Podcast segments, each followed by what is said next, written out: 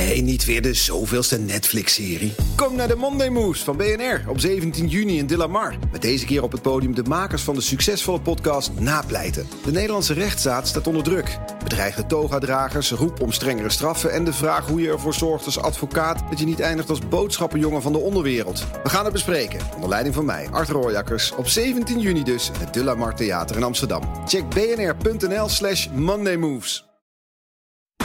BNR Werkverkenners wordt mede mogelijk gemaakt door BrainNet. BrainNet voor zorgeloos en professioneel personeel inhuren. BNR Nieuwsradio. Werkverkenners. Rens de Jong. Een flexibele schil. Voor sommige branches is zo'n schil juist nu onontbeerlijk. Denk aan de horeca en de evenementenbranche. Er zijn ook bedrijven die een vrij dikke flexibele schil hebben... waar het werk wel structureel is en veel beter voorspelbaar is. Mhm. Daar kun je wel afvragen of dat nou helemaal nodig is... Mhm. of er niet andere tactieken zijn om flexibeler te zijn. In deze uitzending willen we onderzoeken wat het al dan niet hebben van zo'n dikke flexibele schil betekent voor je innovatiekracht. Want je kunt verschillende kanten op redeneren. Je kan je bedenken dat, ja, dat er redenen zijn om te verwachten dat een flexibele schil dat dat een positieve invloed kan hebben op innovatie. Bijvoorbeeld omdat je kennis van buiten naar binnen haalt die je goed kan benutten. Maar je kan ook de andere kant op redeneren dat het juist een negatieve invloed zou hebben op uh, innovatie. Bijvoorbeeld omdat uh, de flexibele werknemers minder binding en loyaliteit hebben met het bedrijf. Of dat ze bijvoorbeeld minder risico's durven te nemen. Nou, voor deze onderzoeker reden om er nog eens wat dieper in te duiken. Een andere gast is meteen heel uitgesproken. Is het een utopie om te denken dat als je met een paar flexwerkers... Uh, dat je daarmee een boost aan je innovatievermogen geeft? Ja? Dus ik ken geen bedrijf wat zijn innovatie uitbesteedt aan uh, ZZP'ers of flexwerkers. Hm. Al is alleen maar in vaste teams werken ook niet alles. Er is natuurlijk wel een grens aan. Als je heel lang alleen maar met hetzelfde team werkt, ja, dan op den duur zie je wel dat er een soort stil water ontstaat. Ja. Waar eigenlijk alleen nog maar wordt gewerkt aan meer van hetzelfde en geen uh, vernieuwing plaatsvindt. En vervolgens is het makkelijk te denken dat je voor innovatie vooral bij de hoogopgeleide ZZP'er moet aankloppen en niet bij de praktisch opgeleide uitzendkracht. Maar juist ook daar, omdat zij dus op verschillende plekken bij verschillende bedrijven hebben gezien hoe uh, werkprocessen uh, eruit zien, kunnen ze juist goede ideeën inbrengen over hoe het uh, anders georganiseerd kan worden. Maar goed, ja, toen kwam corona. Hebben we straks überhaupt nog wel flexwerkers? We kunnen dat al zien in de cijfers. Hè. Die, de noodmaatregelen zijn natuurlijk bedoeld om mensen in de banen te houden. Maar je ziet dat die damwand toch uh, begint te lekken. En uh, ja, die daar doorheen schieten, dat zijn met name jonge flexwerkers. En eigenlijk is dat uh, zeer irrationeel als je dat bekijkt. En waarom dat juist voor de innovatiekracht onverstandig is, dat mag hij straks uitleggen. Werkverkenners. Flexkrachten en innovatie. De ene keer hoor je dat ze ideaal zijn voor innovatie, omdat ze met kennis van buiten komen.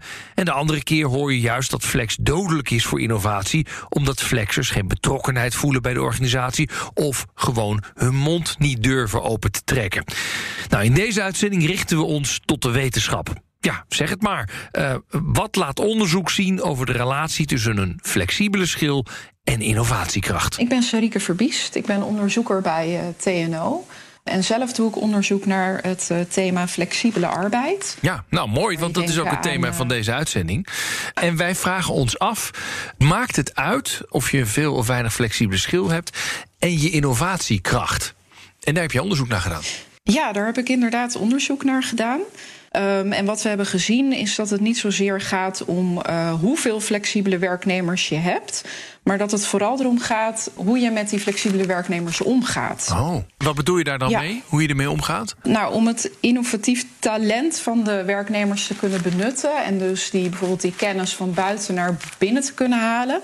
Uh, moet je de flexibele werknemers ontwikkelmogelijkheden bieden. Uh, je moet ze uitdaging bieden. Je moet ze opnemen in de bedrijfscultuur. Dat ze bijvoorbeeld uh, meedoen met werkoverleg. En hoe heb je dit allemaal onderzocht, vraag ik me af? Wij hebben een uh, tweejaarlijkse enquête, uh, de werkgeversenquête arbeid. En die wordt onder zo'n 5000 uh, bedrijven in Nederland afgenomen. En daar hebben we gevraagd hoe zij omgaan met hun flexibele werknemers. En ook in hoeverre zij productinnovatie, procesinnovatie en arbeidsinnovatie hebben gehad het afgelopen jaar. Mhm. En dat hebben we dan met elkaar in verband gebracht. En daar zag TNO dus dat de bedrijven die hun flexkrachten meer bij de organisatie betrekken, meer innovatiekracht lieten zien. Maar even naar die hoogleraar die net nog zei: het idee dat flexkrachten kunnen bijdragen aan innovatie is echt een utopie. Hoe komt hij dan aan die ideeën? Ik ben Henk Volbra, ik ben hoogleraar strategie en innovatie aan de Amsterdam Business School van de Universiteit van eh, Amsterdam. En ik ben ook uh, wetenschappelijk directeur van het uh, Amsterdam Center for Business Innovation. De vraag is: leveren flexibele krachten, van, van oproepkrachten tot ZZP'ers, nieuwe ideeën en nieuwe initiatieven op en zijn daardoor belangrijk voor innovatie? Of valt dat wel mee? Nou, alle mensen uh, zijn creatief en hebben ideeën. Ook uh, ZZP'ers, uh, flexwerkers, mensen met oproepcontracten, et cetera. Maar even als het gaat om vaste arbeidscontracten versus flexwerkers, dan zie je dat die flexwerkers dat die wel uh, nieuwe kennis uh, inbrengen. Maar het effect van langdurig investeren in je bestaande mensen, dat effect op innovatie is veel groter dan het effect van nieuwkomers en nieuwe kennis in je organisatie. En dat heeft dus te maken dat. Kijk, als een bedrijf investeert in research and development, voordat ren, dat rendeert, ben je wel vijf of tien jaar verder. Dat betekent dus dat je mensen hebt die bezig zijn op bepaalde uh, kennisgebieden, die met elkaar communiceren, die uh, kennis moeten uitwisselen. En ja, dat werkt nu eenmaal beter wanneer mensen elkaar regelmatig uh, zien, met elkaar samenwerken. En uh, dat gaat veel lastiger als er bijvoorbeeld een, iemand van buiten binnenkomt, voordat hij eenmaal op dezelfde voet staat als die vaste medewerkers. Ben je een heel tijd verder. En er komt nog bij ook dat de communicatie en samenwerking tussen de vaste kern en de flexibele schil, die loopt vaak niet heel erg goed. Dat kost tijd. En een derde factor die daar ook bij speelt, en dat is denk ik wel de allerbelangrijkste, is dat als je kijkt naar investeringen in opleiding, wordt er veel meer in kennis en opleiding geïnvesteerd in die vaste medewerkers, Mhm. wat dus bijdraagt aan innovatie. En je ziet dat heel veel flexwerkers en ZZP'ers ja, zich toch veel meer focussen op die korte termijn, op een kunstje doen.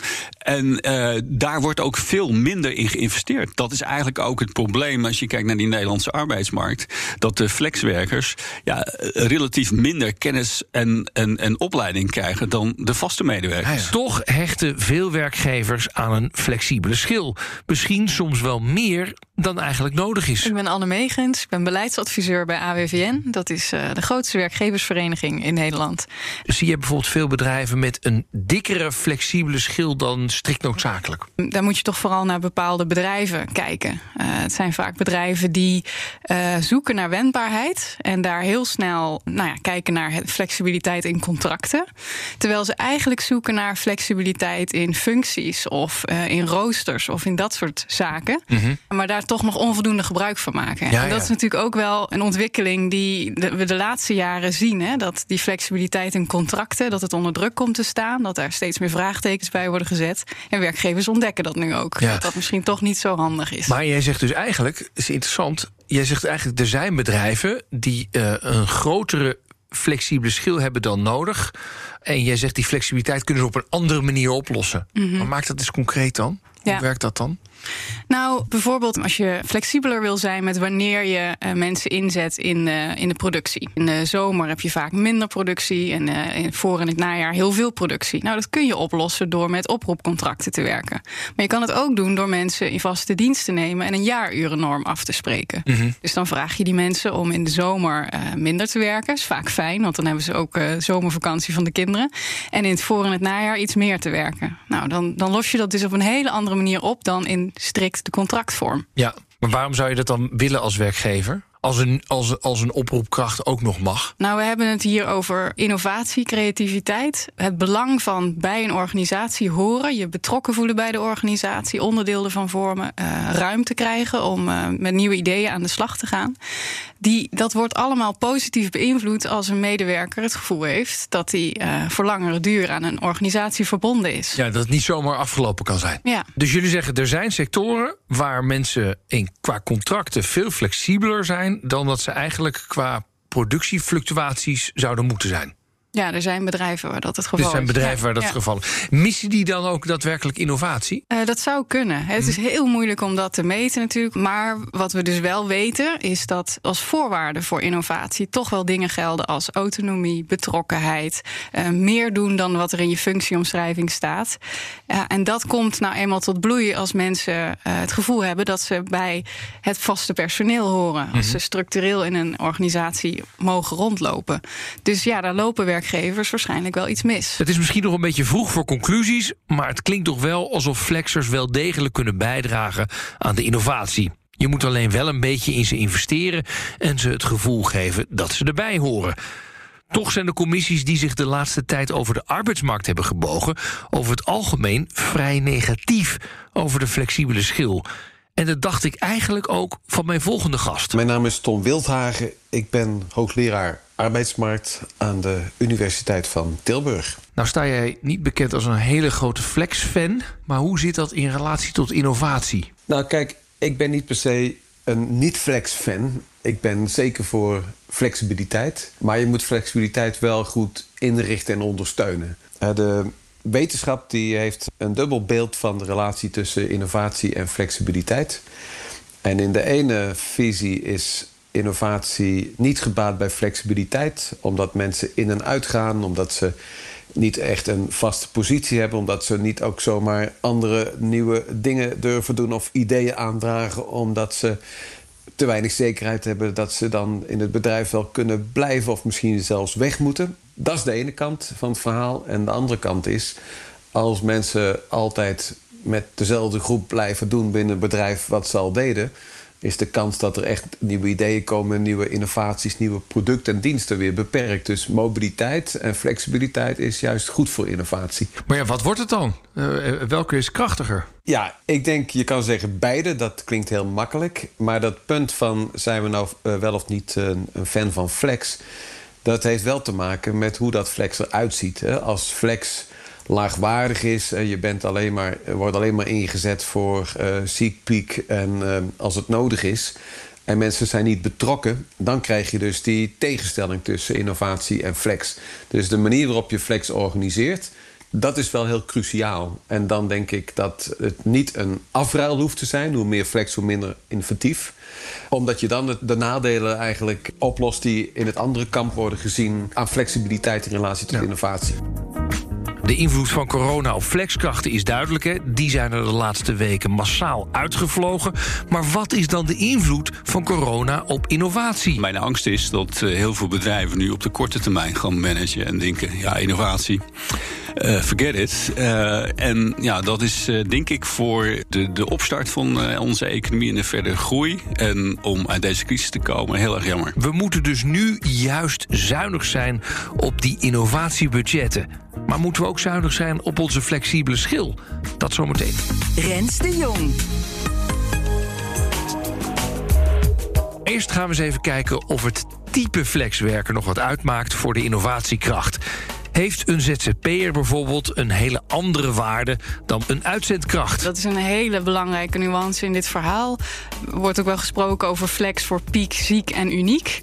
Nou, het laatste zegt al iets hè, voor uniek. Wat we natuurlijk heel vaak zien is dat werkgevers mensen inhuren, denk aan ZZP'ers, om eh, op projectbasis iets te doen. En dat zijn vaak juist de innovatieve of creatieve projecten die moeten worden gedraaid. Dus het is veel te makkelijk om te zeggen: eh, alle flexkrachten, nou, die brengen geen met zich mee. Nee, vaak is het juist omgekeerde. En als je ook kijkt naar de ZZP-populatie in Nederland, dan geven ze juist autonomie, eigen invulling kunnen geven aan hun werk aan als de belangrijkste factor om eh, als ZZP'er aan de slag te zijn. Maar dan zou ik ook kunnen zeggen, nou, uitzendkrachten, dat levert dan weinig innovatie op. Nou, ook dat is natuurlijk veel te plat, om dat zo te zeggen. Vaak worden uitzendkrachten wel om een andere reden in dienst genomen. En dan gaat het vaak om dus piek of ziek. Maar ja, je zal ook, eh, als je het een werkgever vraagt, horen dat het vaak heel prettig is om eens een keer iemand van buiten binnen te halen. Omdat hij vragen durft te stellen die mensen die al 10, 15 jaar bij een bedrijf werken niet durven. Werkgevers vinden het onderscheid in type flexkracht dus wel belangrijk. Hoorden we net van Anne Megens van de AWVN. Maar ze zien zowel in die unieke ZZP'er als in de ziek- en piek-uitzendkrachten een meerwaarde voor innovatie.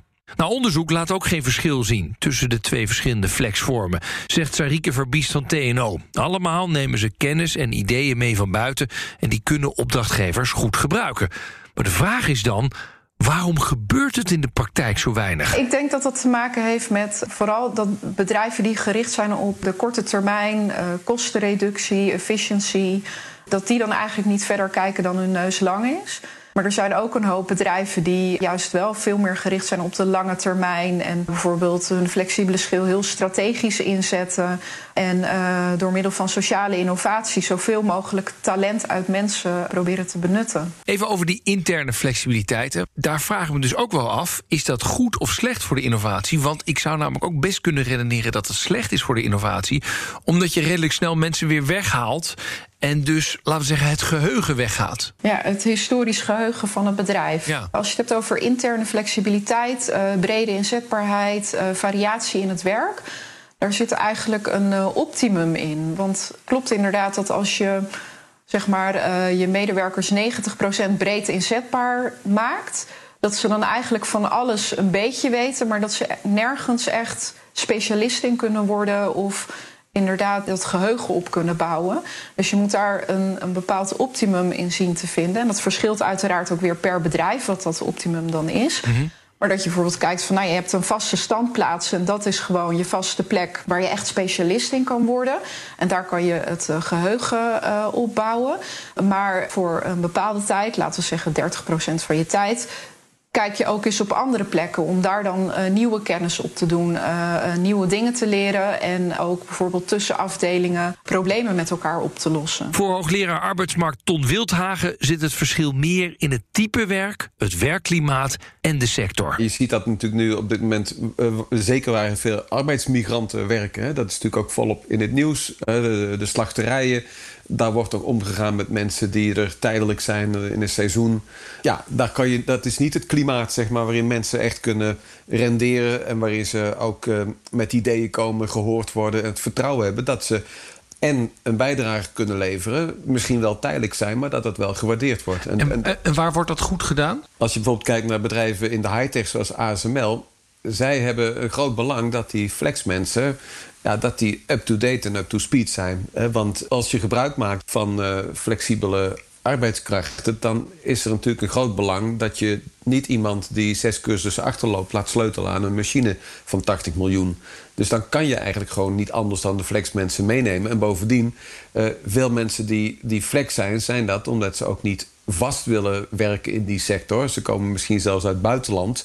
Uh, ze willen zich ook niet binden. Dus je moet dan in die tijdelijke relatie het beste uit mensen halen. Maar dan zeg je eigenlijk, als je hoog opgeleid bent, dan heb je wel wat aan innovatie. Maar als je laag opgeleid bent, dan heb je er niks aan. Nee, dat is niet zo. Ook laag opgeleid, uh, wat het ook is. Je kan ook zeggen anders opgeleid. Praktisch opgeleid, ja. Praktisch opgeleid.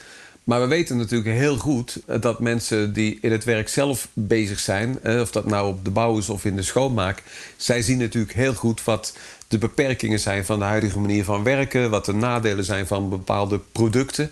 Dus als je daar ook naar wilt luisteren, en dat is natuurlijk een hele wijze les voor bedrijfsleiders.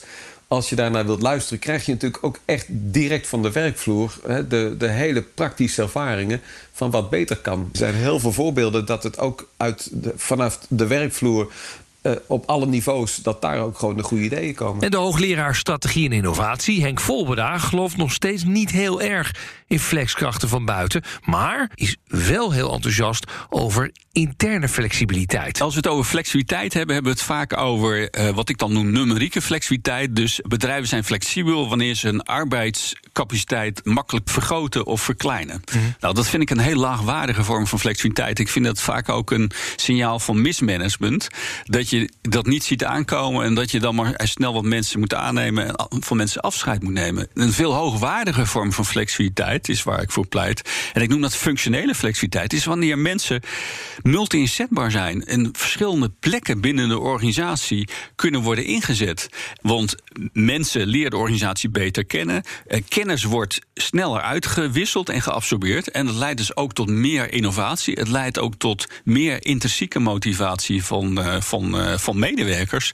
En ik denk ook die bedrijven die geïnvesteerd hebben in die interne flexibiliteit, ja, die kunnen ook veel beter om omgaan met radicale schokken, zoals we vandaag aan de lijve ervaren. En met die radicale schok die we nu aan de lijve ervaren, komen we bij de laatste vraag van deze werkverkenners. Wat doet corona met de innovatiekracht?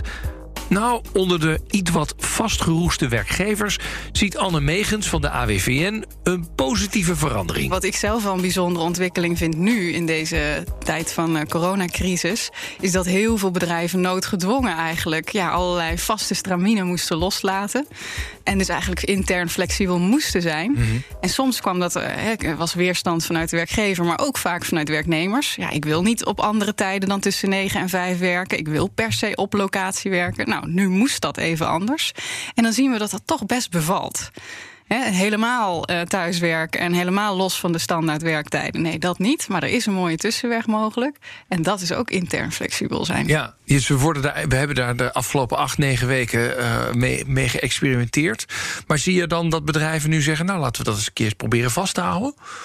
Ja, eh, opvallend genoeg. Ja, werkgevers zeggen wel van... hey, dit is wel iets wat we, waar we... Nou ja, het is een schalentroost, maar het is wel iets moois uit deze crisis... wat, uh, wat we willen benutten. Corona zorgt er ook wel voor dat bedrijven nu enorm hard in de kosten moeten gaan snijden. Dat snappen we ook allemaal.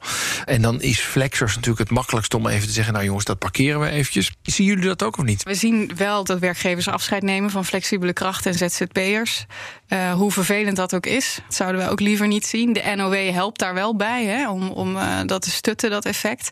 Maar ja, het is ook een logisch gevolg van een crisis... die zo hard en groot en ongekend is. Uh, werkgevers moeten wel snijden om te overleven. Dus ja, dat zien we. Kunnen we ook iets zeggen over hoe schadelijk het is voor innovatie? Nou ja, dat is heel moeilijk omdat het een uh, gemixt effect is. Van de ene kant blijven nu investeringen uit. Uh, je past wel even op om iets nieuws, aan iets nieuws te beginnen als bedrijf. Aan de andere kant, waar we het net over hadden, die, die innovatie in, in manieren van werken, ja, dat levert ook wel heel veel op. Uh, we hebben natuurlijk gezien dat de arbeidsproductiviteitsgroei de afgelopen jaren best wel stokte in Nederland. Um, nou, en juist dat zit ook in het benutten van technologie in werk.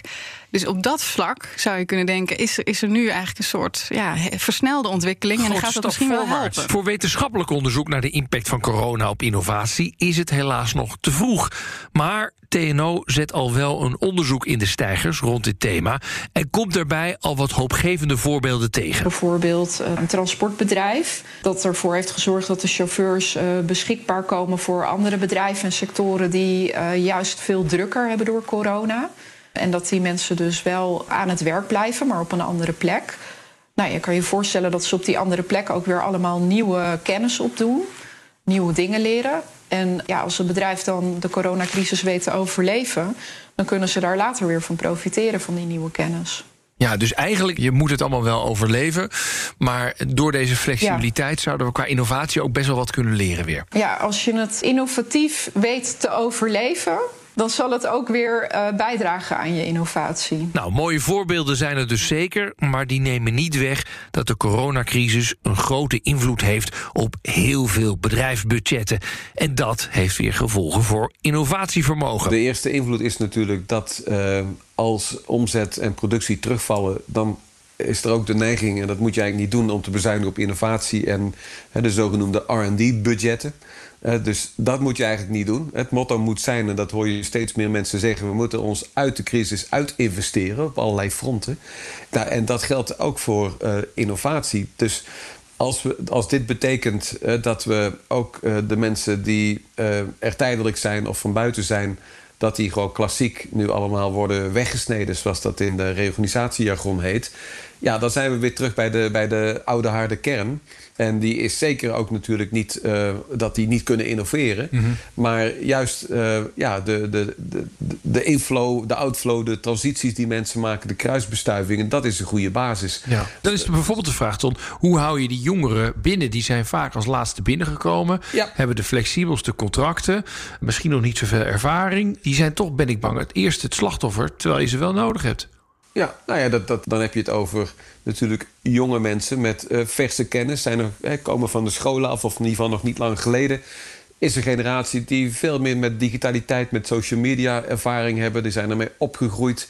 Dus vanuit innovatieperspectief is het heel slecht als de crisis toch weer zich vervolgens nu zo eh, voltrekt dat deze mensen het eerste buiten staan. terwijl het toch gewoon ja, de, de, de frisse jongen, jongens en meiden zijn, zeg maar, waar je echt gewoon een heleboel aan kan hebben. Dus eigenlijk zou je moeten zeggen, en dat geldt ook voor de schoolverlaters, je moet eigenlijk gewoon een aparte ingang voor het bedrijf bewaren dat je ook die instroom van jongeren houdt en dat je de uitgang voor jongeren eigenlijk afsluit. Want uh, vers bloed, uh, nieuwe generaties, ook voor je klanten, voor je producten, voor je design, voor je markten, ja, dat heb je nodig. Dus dat is een groot nadeel als we toch weer klassiek zeggen: oké, we kunnen het nu niet volhouden. Dus we gaan gewoon alles weer wegsnijden, zeg maar, wat tijdelijk is, of oproep of afroep op inlenen of, of ZZP. Is geen verstandige beslissing vanuit innovatie. Conclusie. Het doet er dus niet heel veel toe hoe dik je flexibele schil is. Het gaat er veel meer om hoe je met je flexkrachten omgaat. Wie in hun ontwikkeling investeert en ze bij de organisatie betrekt, ziet dat terug in de innovatiekracht. En ook het type flexer doet er niet echt toe of het nou gaat om een unieke ZZP'er of een uitzendkracht die ziek en piek opvangt. Allemaal komen ze met ervaringen van buiten die het bedrijf kunnen helpen om bijvoorbeeld de werkprocessen te verbeteren. Maar wacht even, is deze uitzending dan één grote jubelzang en geven flexers de innovatie een enorme boost? Nee. Want voor vernieuwing zijn vaak langdurige processen nodig en teams die goed op elkaar zijn ingespeeld. En dan heb je uiteindelijk toch nog meer baat bij vaste medewerkers. En als je die dan intern wel flexibeler maakt, dan heb je alsnog een vorm van flexibiliteit te pakken die innovatie vleugels geeft. En de coronacrisis brengt allerlei bedrijven tot creatieve nieuwe manieren van werken, maar dwingt ook velen te snijden in budgetten. Het gevaar ligt op de loer dat dat dan weer ten koste gaat van innovatie. Maar zelfs mijn minst optimistische gast is voorzichtig positief gestemd door wat hij ziet. In het begin was ik misschien toch wel pessimistisch. Als ik zeg van uh, ja, bedrijven zullen misschien wel snel gaan bezuinigen op RD. Maar wat ik nu zie, is dat momenteel we nog in een modus zitten van.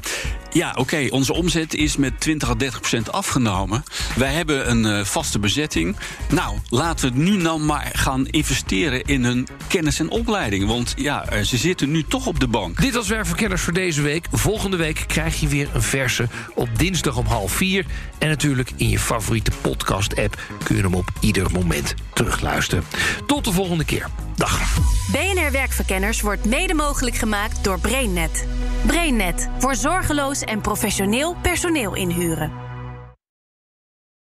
Ook Bas van Werven vind je in de BNR-app. Ja, je kunt live naar mij en Iwan luisteren tijdens de ochtendspits. Je krijgt een melding van Breaking News. En niet alleen onze podcast Ochtendnieuws, maar alle BNR-podcasts vind je in de app. Download nu de gratis BNR-app en blijf scherp.